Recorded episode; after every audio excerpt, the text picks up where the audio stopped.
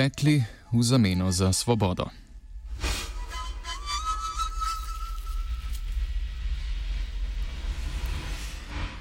V Bahrajnu se je končala dvodnevna investicijska konferenca pod vodstvom Združenih držav Amerike, na kateri je Z predsednika ZDA Donalda Trumpa, Jared Kushner, zadolžen za pripravo mirovnega sporazuma med Izraelom in Palestino, skušal pridobiti 50 milijard humanitarne pomoči za Palestino in okoliške države.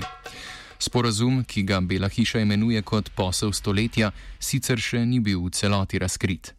Na konferenci je Kašner razkril manjši del, ki zadeva ekonomski razvoj Palestine in v katerem predlaga predvsem razvoj turizma, ki naj bi temeljil tudi na prepoznavnosti tradicionalnih slaščic.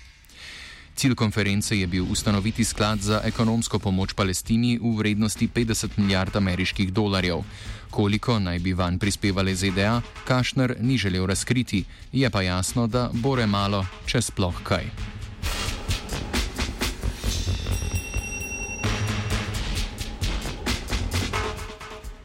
Denar naj bi zagotovile bogate arabske države, najverjetneje v zameno za ameriško podporo, ki ga za prevlado v regiji bijejo z Iranom.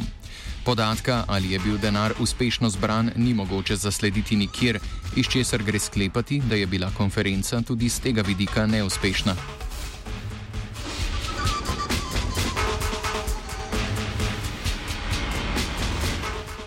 Konferenco v Bahrajnu so sicer palestinske oblasti bojkotirale, kar glede na to, kar je do sedaj znanega o Kašrevem načrtu, ne preseneča.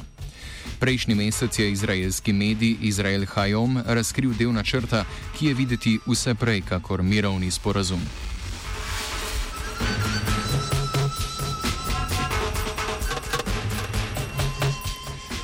Glavne točke načrta so ustanovitev demilitar demilitarizacije kvazi državice Nova Palestina, ki ne bi imela lastne vojske in bi za zaščito svojega ozemlja plačevala davek Izraelu.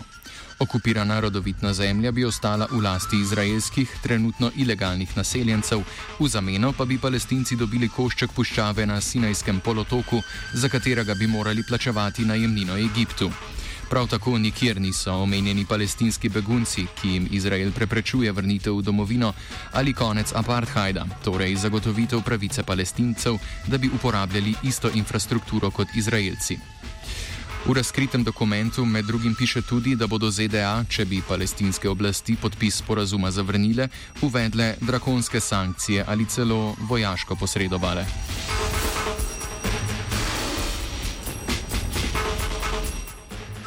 Saeb Erekat, generalni tajnik palestinske osvobodilne organizacije, je načrt označil za mrtvorojenega, saj omogoča, citiramo, izraelski nadzor nad palestinskimi naravnimi bogatstvi, elektromagnetno sfero, mejami, zračnim prostorom, dostopom do morja in vsakim vidikom celotnega gospodarstva.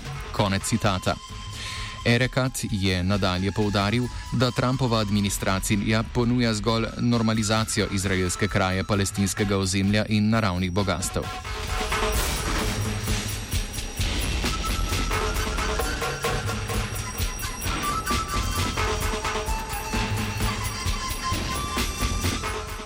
Vsota 50 milijard dolarjev, ki naj bi jih zbrali na konferenci, je najverjetneje zgolj še en poskus podkupovanja palestinskih voditeljev, da bi pristali na kašnarjev načrt.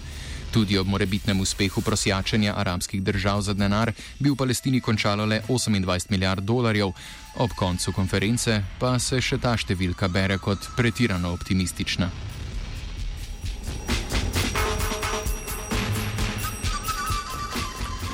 Do Kašnarjevih načrtov je kritičen tudi Primoš Štrbenc, predavatelj na Univerzi na Primorskem in poznavalec Bližnjega vzhoda. Jaz mislim, da konferenca je še en, še en ukrep več v smeri zavajanja mednarodne javnosti oziroma hlinjanja, da se poskuša nekaj storiti. Ukrepi, ki so predvideni tem, kot pravijo prvim delom ameriškega, kot pravijo mirovnega načrta, torej vsekakor ne bodo doprinesli do, ne bodo doprinesli stabilizaciji položaja oziroma kakršnemu koli izboljšanju. Tako da je, ne glede na to, kdo je bil prisoten, kdo ni bil prisoten, je vsa stvar zastavljena popolnoma napačno.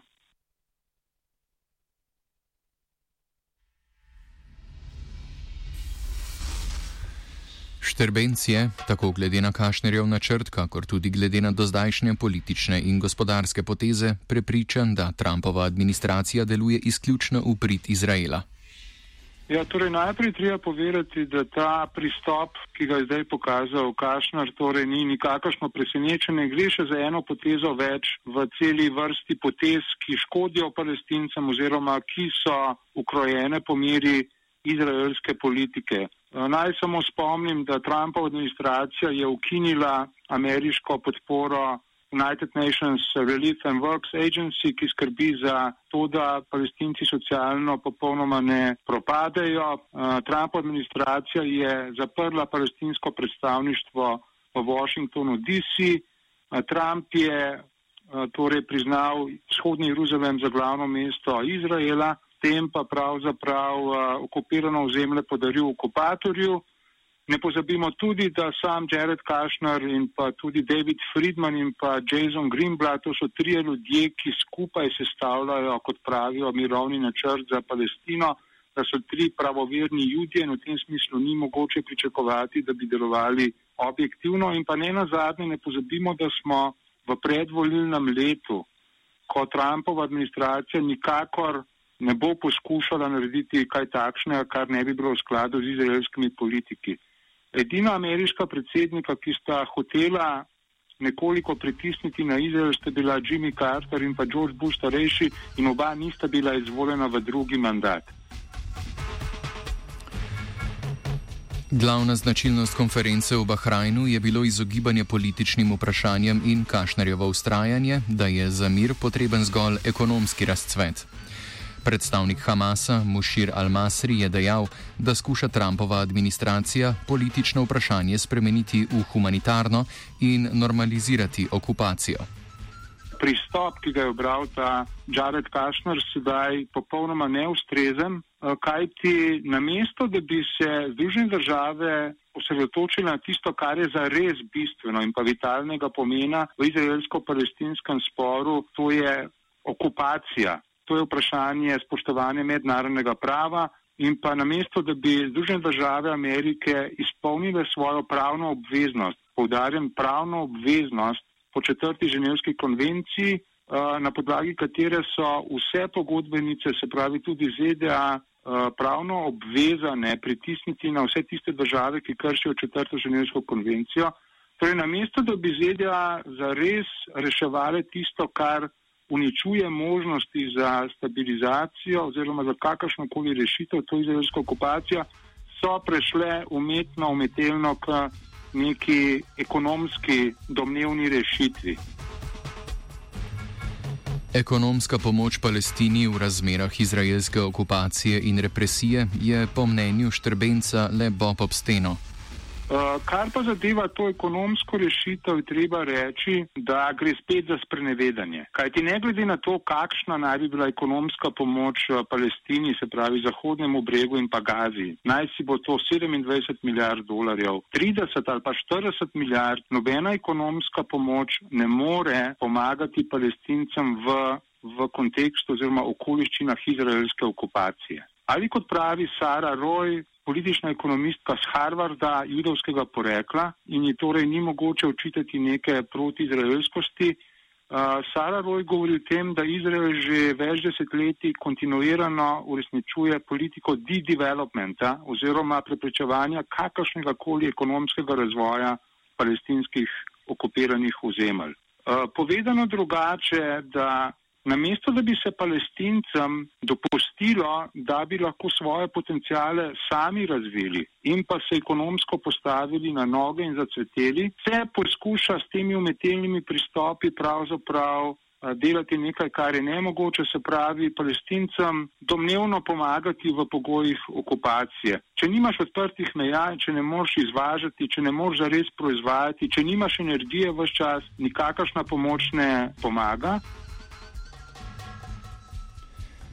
Kljub temu, da je Jared Kushner svoj načrt ekonomske pomoči na konferenci označil za radikalno novost, pa Primoš Šterbenc meni, da je vse prej kot to. Naj spomnim na to, da Evropska unija nekaj podobnega dela že vse od leta 1993, ko je bil lansiran tako imenovan mirovni načrt iz Osla. Evropska unija je, je bila do sedaj največji ekonomski podpornik palestinske oblasti. Nekaj časa so bili palestinci na Zahodnem bregu celo največji prejemniki ekonomske pomoči na glavo prebivalca na svetu, vendar pa je šla vsa ta pomoč v nič. Pravzaprav ni k ničemur pripeljala, do nikakršnega ekonomskega razvoja, ker ekonomskega razvoja, kot pravim, v, v pogojih okupacije ne more biti. Konferenca v Bahrajnu pa ima tudi jasne širše politične implikacije, sploh v luči zaostrujočih se odnosov med Iranom na eni ter ZDA, Saudovo Arabijo in Izraelom na drugi strani. Sam organizator konference, to Bahrajn, je država, ki je umeščena oziroma ki je v bloku, ki ga vodi Saudska Arabija, poleg nje pa sta v tem bloku še Združeni Arabski Emirati in pa Egipt. Se pravi, gre za močno protiiranski, protišitski blok oziroma protikatarski blok.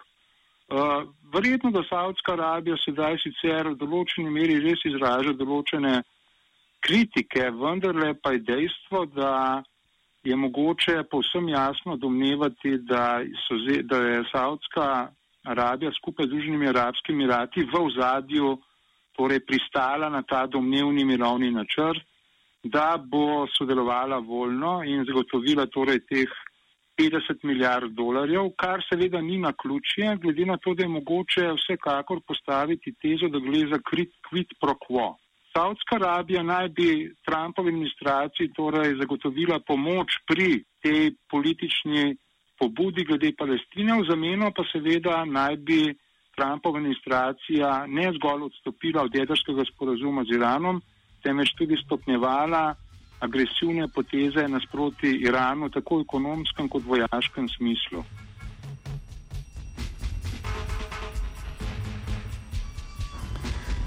Skoraj polovica od predvidenih zbranih 50 milijard dolarjev naj bi bila namenjena okoliškim državam, ki gostijo številne palestinske begunce. Štrbenc meni, da je tak način reševanja begunske problematike slab tako za palestinske begunce, kot tudi za države, ki jih gostijo. Že takoj na prvi pogled je jasno, da gre za, določeno, za določen blef, za določeno neustrezno, neustrezno potezo, kajti prvič Egipt je vključen v ta blok, ki naj bi vseboval palestinske begunce, torej Egipt nima palestinskih beguncev. Drugič pa Sirija, ki pa ima precejšen delež eh, palestinskih beguncev, čeprav velik del le teh slednjih je med sirsko vojno odšel ven, Sirija pa ni vključena v ta načrt. Že to je zelo sporno. Drugič pa, torej, bi, če, bi se, če, če se hoče pomagati palestinskim beguncem v Libanonu in pa v Jordani, torej v Jordani tam okoli 4,5 milijona oziroma do 5 milijonov in pa v Libanonu tam okoli 400 tisoč, to lahko navaja k sklepu, da naj bi ti begunci ostali v teh državah. In v teh državah so že do sedaj, torej palestinski begunci, uh, povzročali hude politične napetosti. Libanon jim nikoli ni dal državljanstva, ne dopustim, da bi postavili svoje hiše, delali in tako naprej. Zaradi palestinskih beguncev je sploh druga libanonska državljanska vojna izbruhnila uh, v veliki meri uh, leta 1975. Tudi v Jordani pa z nezaupanjem gledajo na, na to palestinsko večino prebivalstva in jo zgolj z nekimi volilnimi prevarami marginalizirajo.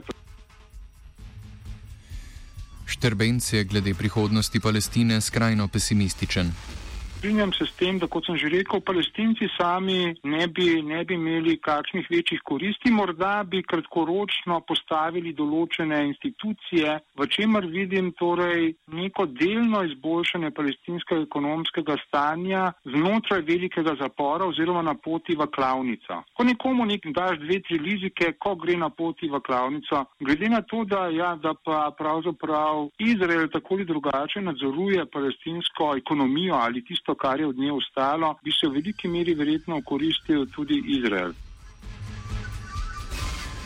Kašnarjev posel stoletja je prej kot mirovni sporazum med dvema državama, skrajno ponižujoča zahteva po totalni kapitulaciji Palestine, ki bo, če bo izpolnjena, povzročila še večjo destabilizacijo regije.